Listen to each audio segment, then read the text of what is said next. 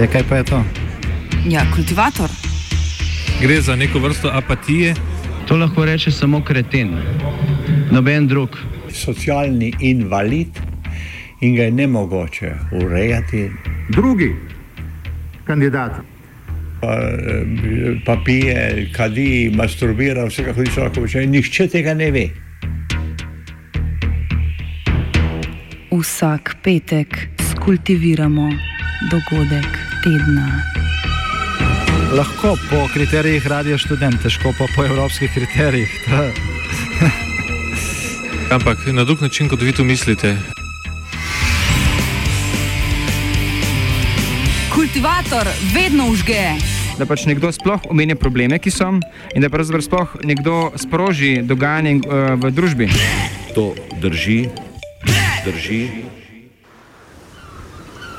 Hey, did you guys hear the FDA just approved the first ever medication for women's sexual desire? I mean, this gives a whole new meaning to my four hour erection. I know what to do with it.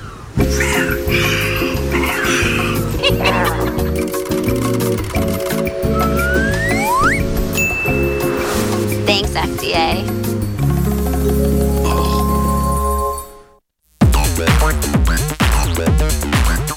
Ravno kar slišano vključuje pozdravni nagovor ob obisku spletne strani eventthescore.org.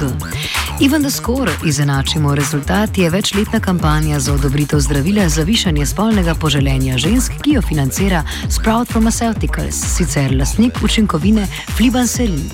Domnevno zdravilo za večanje spolnega poželenja žensk je ameriška zvezdna agencija za zdravila FDA po dveh preteklih zavrnitvah odobrila v torek, že v oktobru pa bo dostopen na trgu.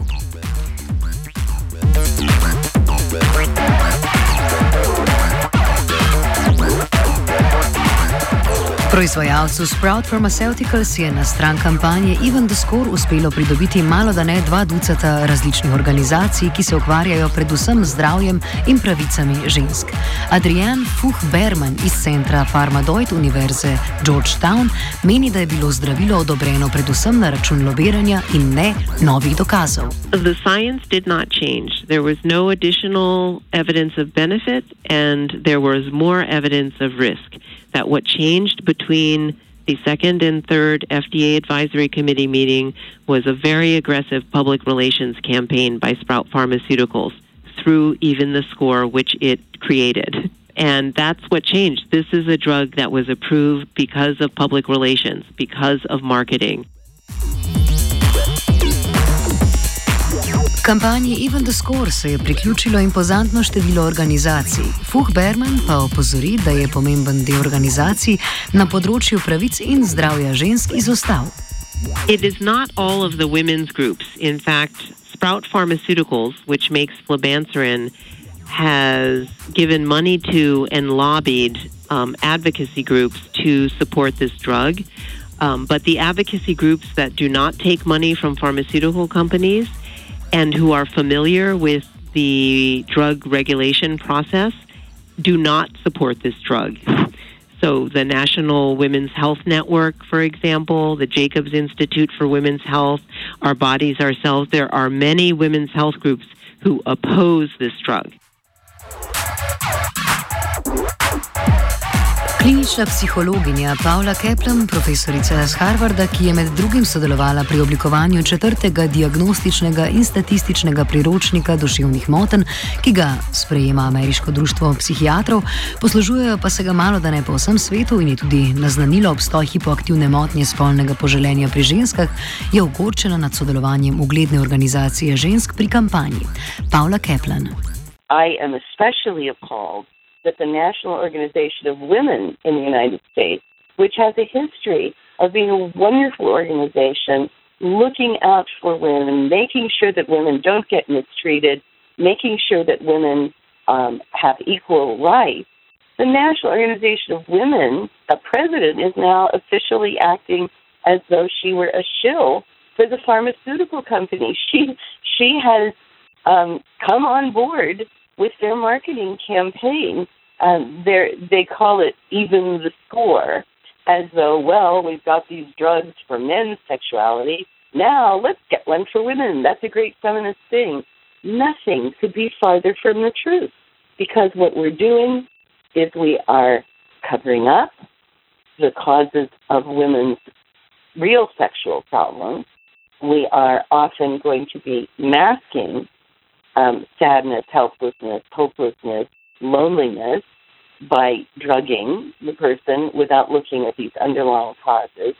And we're giving women a drug that, like all psychotropic drugs, it's sort of the equivalent of saying, let's stick a fork in your brain and stir and hope something good happens and hope nothing bad happens.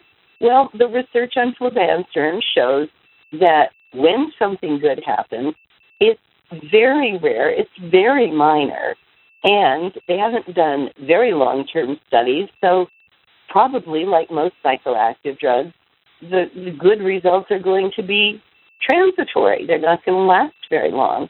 And no drug company has ever done long term studies on their own steam to look at the negative effects over the long term. So we are putting women at risk in the most appalling ways.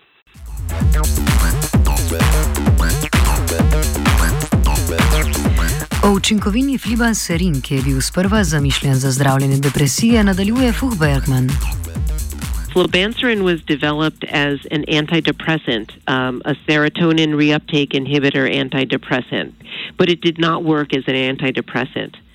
Um, but the the company that originally developed it, a German company, Boehringer Ingelheim, they they noticed. I get. I, I suppose some women maybe said that they had an increase in in desire in the trials. So the company then tested it for for sexual desire, and they um, they did studies and brought them before the FDA, and the FDA rejected rejected it and said that the evidence was not very good um, and that there were some worrisome side effects. Flibanserin torej vpliva na možgane. Na kakšen način pa? It affects serotonin, but in two different directions. Um, it affects different receptors, and it also um, it also affects dopamine. And we actually do know with other drugs that affect dopamine that if um, if you give someone too much of a drug that increases dopamine, that they um, will start uh, gambling too much, doing compulsive gambling or inappropriate sexual behavior. so, too much dopamine can also be disinhibiting. A- anyway, so it's unclear whether you know exactly what the effect of the drug is, but it does have an effect on. It, does does affect some chemicals in in in the brain, um, but does this actually translate into uh, in, into a benefit and what what exactly is this drug meant to treat? Um, really, what we're talking about here is a difference in libido between partners, right? Because there is no scientific level of libido that is normal. Different people have different libido, and whatever their libido is, is normal for them. It is not uncommon in a relationship for one person to um, have to want sex more often than the other person, and that should be dealt with by communication and um, and compromise. Po povedanem je očitno, da ne gre za izenačitev rezultatov, kot trdi kampanja Even the Score, temveč za dve različni zadevi. Medtem ko doslej odobrena zdravila za moške zdravijo zgolj disfunkcijo spolnega organa in nepoželenja, odobreno zdravilo za ženske zdravi spolno poželenje kot tako. Ponazori Paula Keplan. So, what you've got is these drugs on the market to increase blood flow to men's penises, and then you've got this new drug that acts on the brain. And what's happening is we're giving the message that with guys, oh, it's just about penis. With women, we got to change their brains so they can be more sexual. How about changing society's expectations about women's sexuality and the messages that society gives about women's sexuality? And how about trying to make sure that the partners that women will have, whether they're men or women, are more aware um, of these these social pressures and social expectations, and that they're more aware of um, the importance of being a, a sensitive, caring sexual partner. But that's not what we're doing. K. Evropsko strokovno društvo seksologov je glede odobritve flibanserina za zdravljenje poželenja prav tako pesimistično. V imenu društva spregovori Moše Mok iz Univerze Hadaš. The desire in women is very complex. We don't know yet, even this 2015, what will give desire, sexual desire for women. And we do think it's not only a pill which will influence the brain. There are many more factors. And uh, we think, we do understand that with a big pressure, they try to, uh, to, to, to work at the FDA to accept this pill because we are already uh, trying with this flibanserin for uh, six, seven years, and the results are not that good. Not even the results are not good. There are also side effects. More than 20% uh, will complain about dizziness, a low breath, a drop in blood pressure, and even fainting. Uh, the FDA also required that it's not allowed to uh, drink alcohol for the whole month because this pill you have to take during the whole month. So we think it will be very difficult to try to use this pill. I think all the sexologists are happy if there are possibilities to raise the uh, uh, desire in women, women who have a lack in desire, but we don't think that this pill will help that much. Also, we know it had a big placebo effect. Placebo, it means that if you give a pill like fibromycin, but there is nothing in it, uh, also these women have a slight uh, increase in sexual uh, desire. Uh, but we have seen uh, in uh, medical studies, it was only a couple of hundred women who took, took this pill. We have to see in the future if taking thousands and millions people, women taking this pill, what will be the results. But we are quite pessimistic about the results. Of course, there are some women who will gain from this pill, but it is a small percentage. We also think to like to kindle the sexual desire for women, there are other ways. Like in the men, if you give a man a lot of testosterone, it will rekindle his desire. His desire will increase. In women, if we give testosterone, it won't go that much uh, increase their, their sexual desire. Women needs much more than testosterone. It's not a hormonal question. Most of the sexologists have, don't believe that this pill will solve the problem of the desire in women.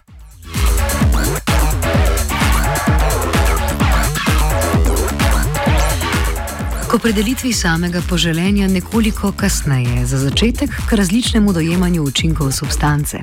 Če proizvajalci govorijo o stranskih učinkih, termin, če dalje bolj v splošni rabi, Keplan meni, da je potrebno opozoriti, da gre za učinek ne stranski, ampak negativen.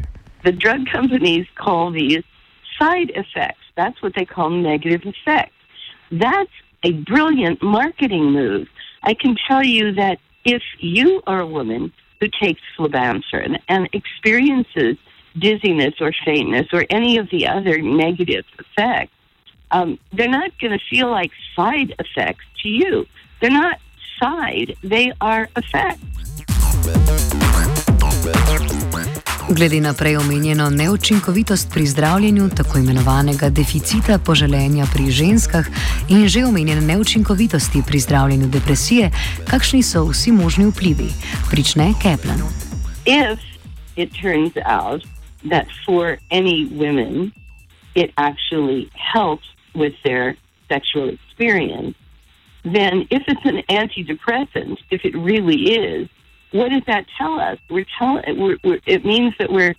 What does that tell us? It means that we are taking women who really are suffering, who are sad, who are lonely, who are feeling helpless or hopeless, and we're trying to change their sex lives. That's sort of going about it the wrong way rather than trying to get at the general underlying problem that they are unhappy. And we're acting like, oh, well, the problem is a sexual one. That's, that's just one consequence of feeling sad or lonely or um, helpless or hopeless.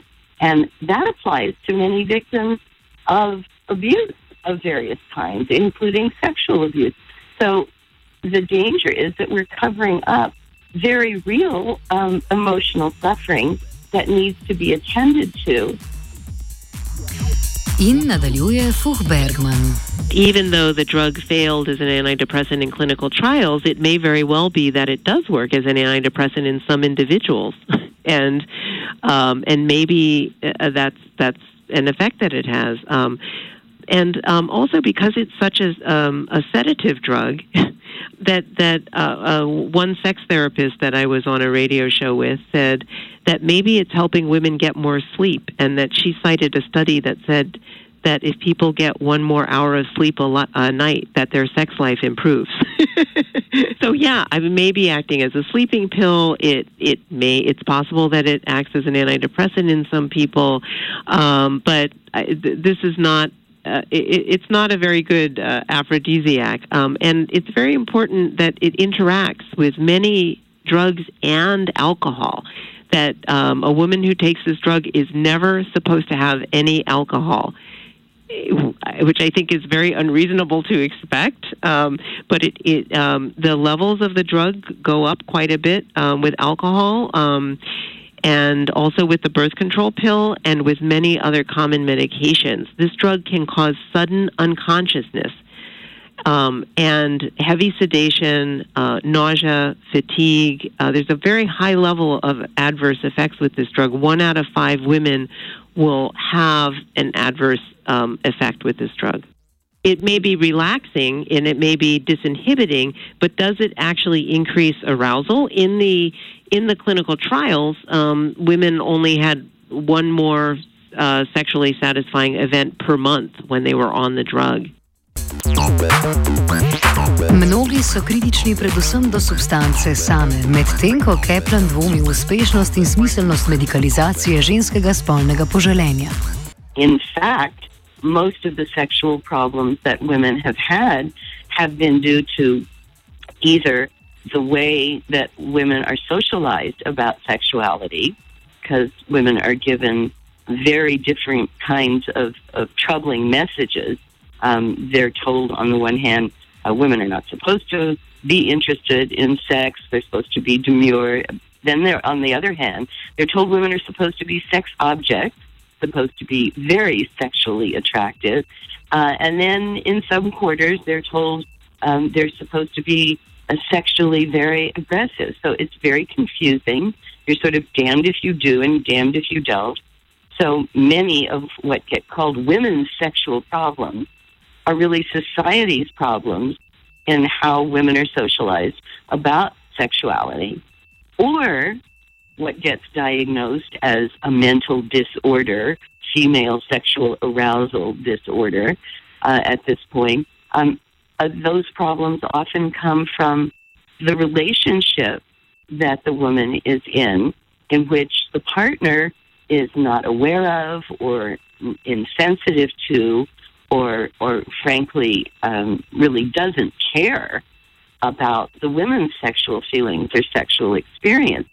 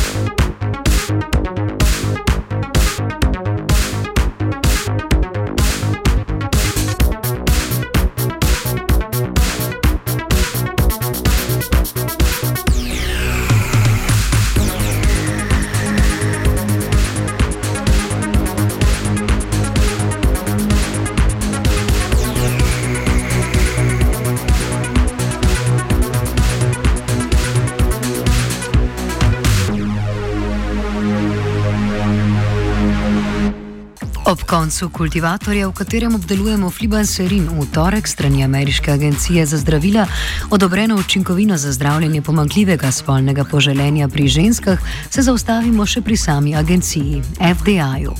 Ta je pred leti uvrstila odobritev zdravila za hipoaktivno motnjo spolnega poželenja med 20 glavnih ciljev agencije. Fuh Bergmanova spregovori o sami motnji. Hypoactive sexual desire disorder was created by pharmaceutical companies not to sell this drug. It was actually created to sell a testosterone patch that did not make it through the uh, regulatory process in the U.S. It actually was approved later in Europe, but um, then was later taken off the market. Paula Kolbin, ki je sodelovala pri izdaji četrtega diagnostičnega in statističnega priročnika duševnih motenj, ponazori delo FDA-ja na primeru Prozaka. Many years ago, uh, the patent on Prozac was going to expire, and it had been approved by the FDA to treat depression. Now, the way the FDA works is you can't just get a drug approved across the board. You can't just say, okay, people uh, can prescribe this drug for anything they want. The FDA gives approval to use a drug for a specific indication, is the term that they use. Now, when Eli Lilly's patent on Prozac was going to expire, what that was going to mean was that in the U.S., other drug companies could make the same drug and sell it much cheaper.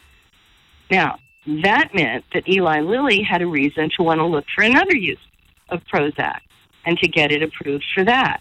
And they found one, again, in the Diagnostic and Statistical Manual, in the Psychiatric Diagnosis Manual.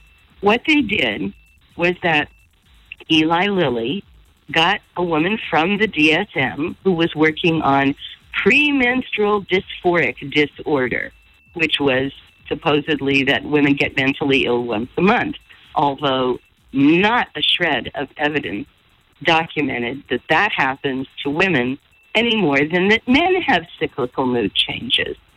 And what happened was Eli Lilly took somebody from this DSM committee, which is one of the committees I was on, by the way, and they went to the FDA and they said, We want you to approve Prozac to treat premenstrual dysphoric disorder. And the FDA committee approved it. I then called Dr. Susan Wood. Susan Wood was the head of the women's section of the FDA. And I said to her, How could the FDA have approved this when the research does not support approving it? And in fact, when the FDA has now approved it to treat premenstrual dysphoric disorder, which, as the European Union showed, had not a shred of evidence that it was even a real entity. And Dr. Wood replied to me at the FDA, we have to rely on the professional association to tell us what the disorders are. And I said to her, but the the, the creators of the psychiatric diagnostic manual made up the whole concept of premenstrual dysphoric disorder as a mental illness, and there's no evidence that it even is a real entity.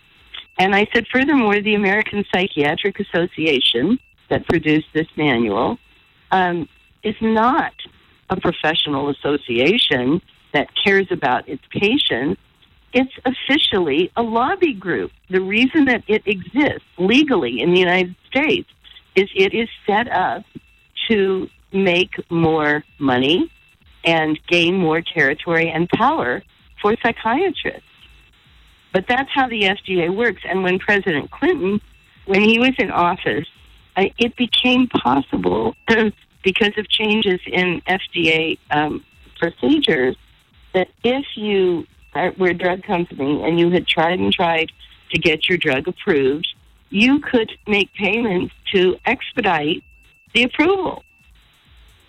That really calls into serious question the very functioning and the ethics of the FDA as uh, an entity.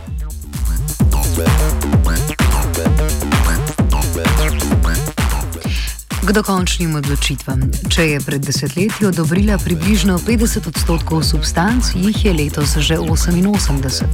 Na kak način sprejema odločitve FDA? When the FDA has to make a decision, it's not the whole FDA that makes a decision about should we approve this drug to treat this condition. What happens is they form a committee. They appoint people to a committee that's going to decide, for example, are we going to approve flibanserin to treat female sexual arousal disorder. So, who's going to go on that committee? Well, what has increasingly happened over recent decades is that they appoint to the committee people whom they describe as having expertise in this field, but almost invariably the committees um, are composed in the majority, if not entirely, of people who've been getting money from the drug companies who've been researching this drug or similar kinds of drugs. This is about the worst kind of thing you could do. And when they've been challenged on choosing their committee members in this way, their response is always, but we are choosing the people with the most expertise in that field. And my suggestion, which has not been implemented, needless to say, has been no, that's exactly what you should not be doing because clearly this is a conflict of interest. What you should be doing is this there are lots of people out there who have expertise in research methodology. They've written books about research methods, they taught courses about research methods, and they have not gotten money from the drug company. These are exactly the people that you want to appoint to the committees, have them look over the research that's been done by the drug company that wants their drug approved, and evaluate the research. That would be truly unbiased. That would be showing genuine concern about the consumers that are going to be swallowing these pills, and they have not done anything like that. And I should say also that um, uh, some years back, we had looked at the FDA website and we had seen that they have the criteria that the drug company's research needs to meet if the drug company wants to get a new, specifically an antidepressant, approved by the FDA. And an antidepressant is what flibanserin is classified as. Now, we looked at those criteria, and I tell you, you could drive a truck through the holes in those criteria. It, it, they don't even deserve the the word standard applied to them. They are a complete mess. And it says on there that those criteria were due to be revised soon. They've never been revised, and decades have passed.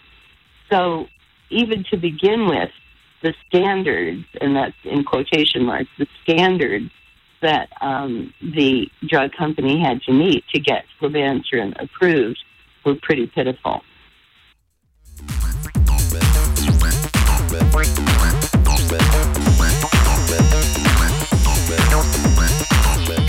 Kultiviral je Jankovič.